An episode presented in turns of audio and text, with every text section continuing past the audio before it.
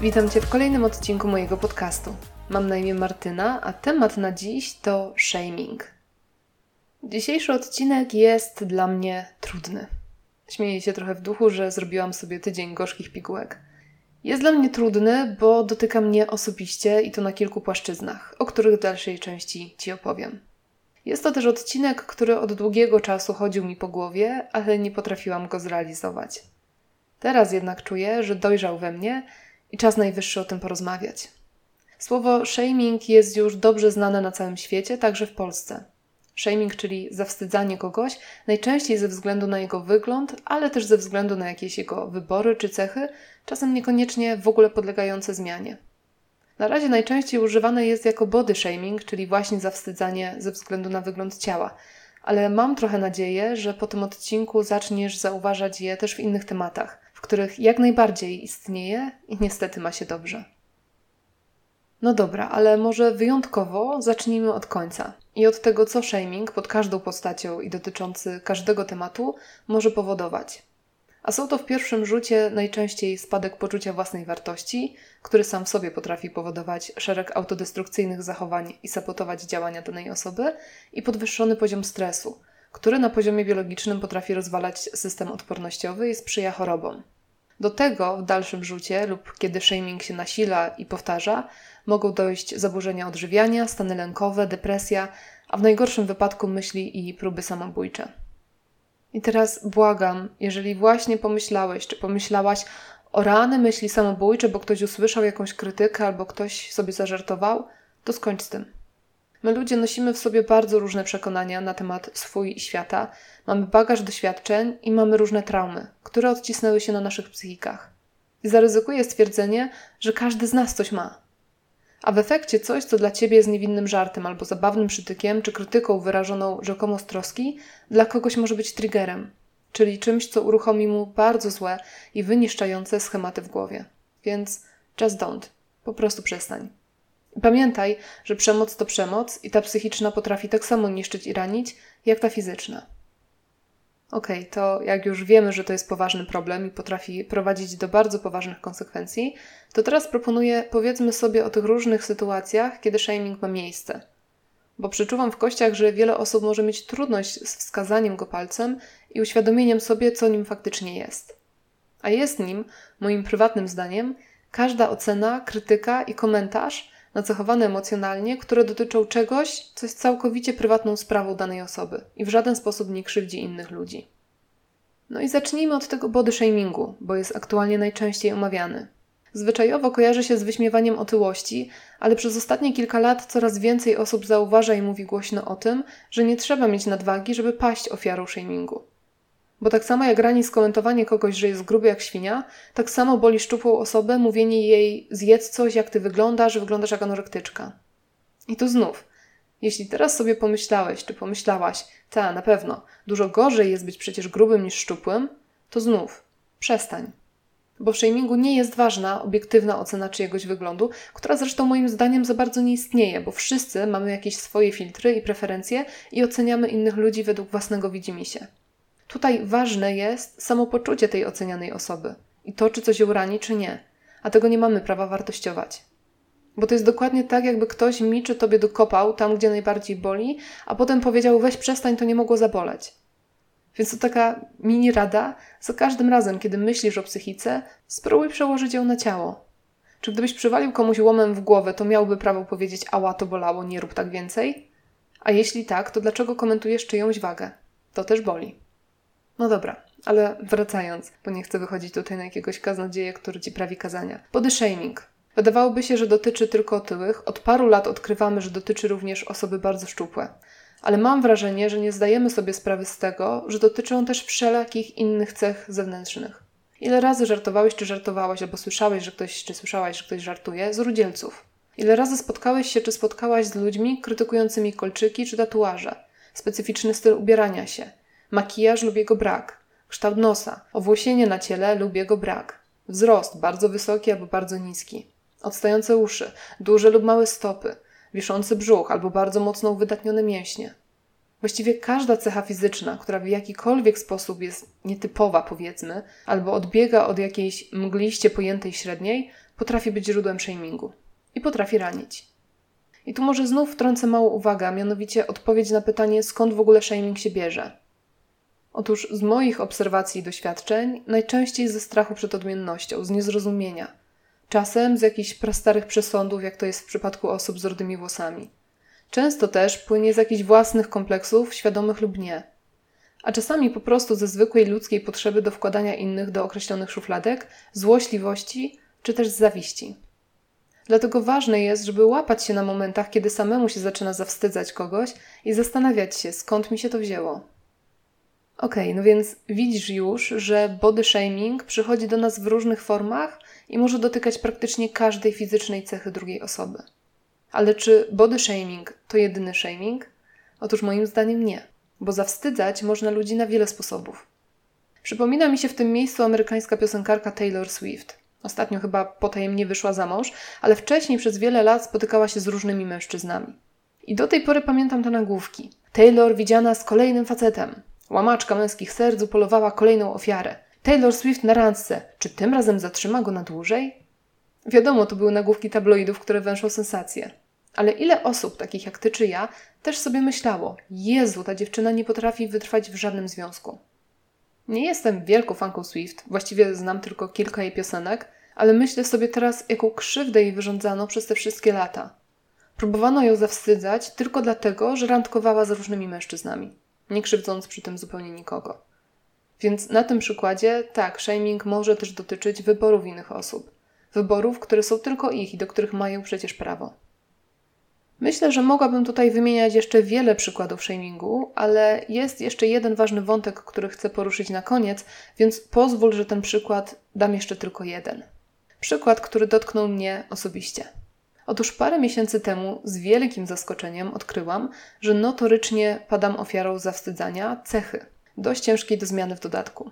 I przez długi czas nie zdawałam sobie z tego sprawy, a działo się to od lat, tylko że w małych ilościach, ale za to regularnie, konsekwentnie i z różnych źródeł. A właśnie te kilka miesięcy temu to nabrało trochę na sile i wreszcie mnie uderzyło, że to się w ogóle dzieje. O co chodzi? O moją gadatliwość, a konkretnie to, że mówię dużo i szybko. Staram się nie zagadywać na śmierć innych ludzi. Kiedy słucham, to słucham i nie przerywam nikomu, i jak już mówię, to staram się mówić z sensem i nikogo nie obrażać. A mimo to, co i róż dostawałam stryczki w nos za to. Ktoś z rodziny skomentował, że ten twój Marcin to musi mieć cierpliwość do takiej gaduły. Co jest o tyle zabawne, że w domu, kiedy jesteśmy we dwoje, to głównie on nawija, a ja się praktycznie nie odzywam. Ktoś inny rozpoczął moje zajęcia ze studentami słowami: No to powodzenia, bo Martyna was zagada. Gdzie moją rolą było mówić, wykładać i przekazywać wiedzę. Ktoś inny zapytał znów Marcina, mojego narzeczonego, przy mnie, czy czasem pozwalam mu dojść do słowa. Aż wreszcie kilka czy kilkanaście razy na zajęciach na studiach ktoś skomentował, że wreszcie dałam mu dojść do słowa, gdzie prowadzący kilkakrotnie pytał, czy ktoś chce coś powiedzieć, i był czas na wypowiedź każdej jednej osoby. I teraz możesz pomyśleć, o rany, nie dramatyzuj, ktoś skomentował gadulstwo, to po prostu mów mniej i nie świruj. I ja na początku też tak o tym myślałam. Ale w końcu stała się taka rzecz, że zaczęłam bać się cokolwiek mówić. Czasem nawet mając coś do powiedzenia, wybierałam milczenie. Przestałam się angażować w rozmowy i przyjęłam rolę permanentnego słuchacza, cały czas pilnując się w myślach, żeby nie powiedzieć za dużo, jeśli już do tego mojego mówienia w ogóle dojdzie. A przy tym cały czas cierpiałam, choć może to za mocne słowo, ale czułam podskórnie, że nie jestem sobą. Widzisz, moja umiejętność ubierania myśli w słowa i mój temperament, który sprawia, że wszystko robię szybko, nie tylko mówię, ale też chodzę, jem i tak dalej, to jest ważna część mojej osobowości. To jest coś, co poniekąd mnie określa i jest ze mną całe życie. A nagle zaczęłam słyszeć naokoło, że to nie jest okej, okay, że to jest złe, że nie powinnam tego robić i nie powinnam taka być. Ergo, to ja jestem nie okej okay i nie jestem akceptowana. Ciężka myśl, uwierz mi. I w tym wypadku akurat nie mogę powiedzieć, że tylko na złe mi to wyszło, bo wyjątkowo z całej sytuacji wyrosło coś dobrego, a mianowicie ten podcast. Miejsce, w którym mogę mówić co chcę, jak chcę i ile chcę.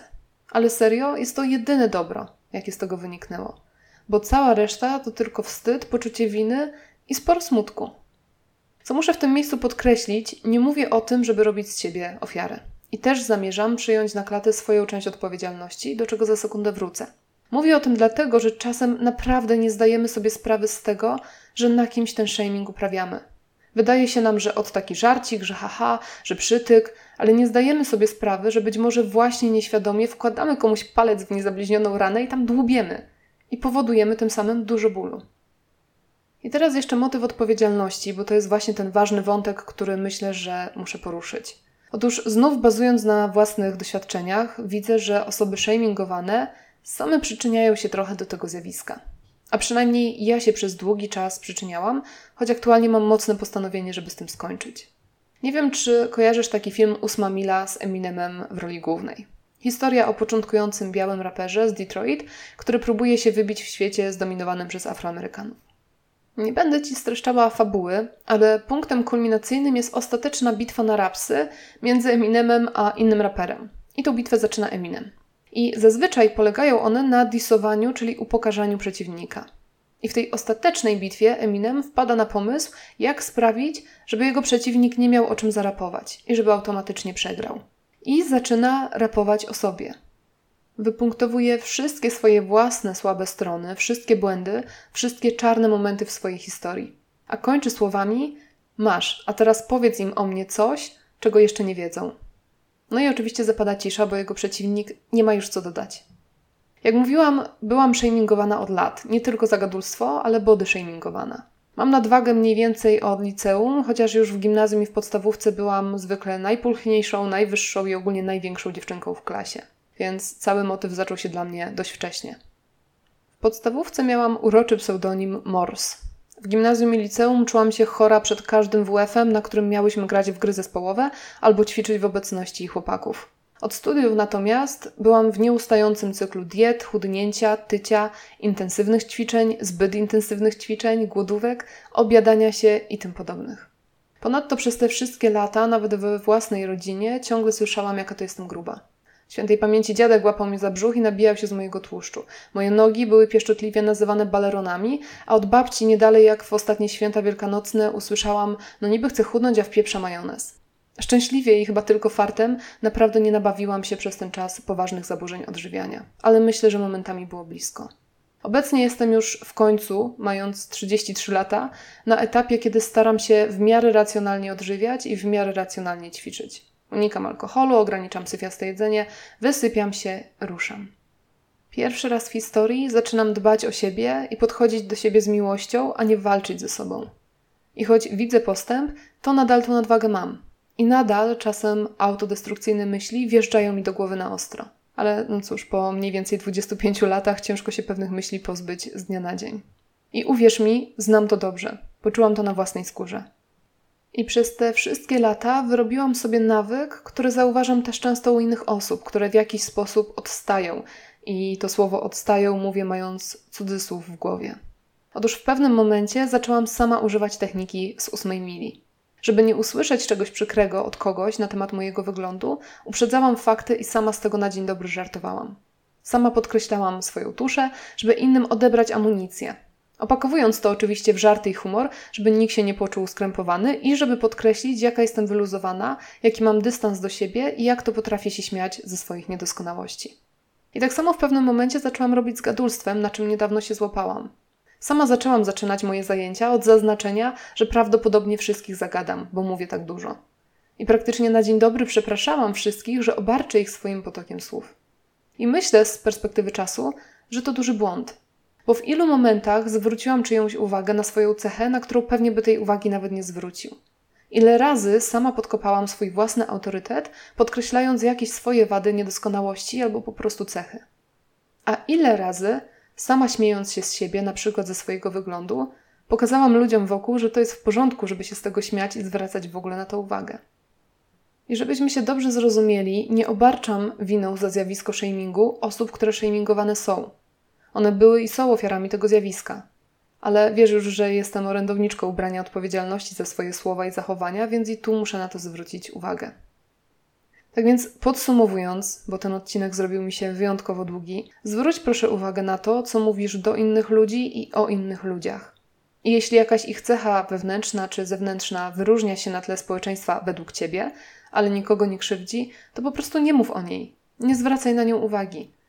Pamiętaj, że pod wystającymi kośćmi, albo pod warstwą tłuszczu, albo pod tatuażami, albo pod rudymi włosami jest po prostu człowiek, który ma prawo żyć po swojemu i być sobą. Mówiąc tak bardzo prosto i dosadnie, bo ostatnio sobie w tym podcaście pozwalam trochę bardziej, odpieprzmy się w końcu od siebie i dajmy sobie żyć. I tyczy się to i realu, i wirtualu. Kąśliwy komentarz jest tak samo krzywdzący jak wyśmianie w twarz. I tak samo krzywdzący jak uderzenie kogoś kijem baseballowym. Różni się tylko tym, że niektóre rany i siniaki widać, a innych nie. Natomiast jeżeli jesteś osobą shamingowaną i zawstydzaną, to po pierwsze pozwól, że powiem, przykro mi, że cię to spotyka. Spotkało i mnie i wiem, jak to boli. Fakt, że nadal tu jesteś i stoisz prosto, zasługuje na mój głęboki podziw, bo to jest tak, jakby ludzie dookoła układali cię kijami, a ty mimo bólu nadal byś to znosił czy znosiła. I szanuję cię za to i mam nadzieję, że wytrwasz jeszcze trochę. Bo świat się zmienia i jest coraz bardziej świadomy. I za chwilę naprawdę głęboko wierzę w to, że shaming się skończy. Tylko musimy jeszcze chwilkę poczekać. Ale też, jeżeli jesteś osobą shamingowaną, zachęcam Cię do tego, żebyś przestał czy przestała używać techniki ósmej mili, jeżeli teraz to robisz.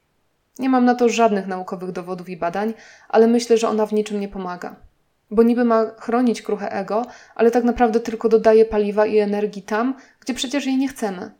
Mówi się, że dostajemy to, na co kierujemy swoją uwagę, więc namawiam, kieruj swoją uwagę na miłość do siebie, na swoje wspaniałe cechy i to je podkreślaj w rozmowie z innymi. I przestań pozwalać na to, co cię rani. To ty musisz wyznaczyć swoje granice i musisz ich strzec. I masz do tego pełne prawo. Uff, okej. Okay. Tyle na dzisiaj. Muszę przyznać, że jest to zdecydowanie najtrudniejszy odcinek, jaki do tej pory tu nagrałam. Cały powiedziałam z totalnie ściśniętym gardłem, więc mam nadzieję, że nie było tego bardzo słychać. I autentycznie wykończyło mnie to nagranie ale wierzę w to, że warto o tym mówić i trzeba głośno mówić o tym, co nas boli.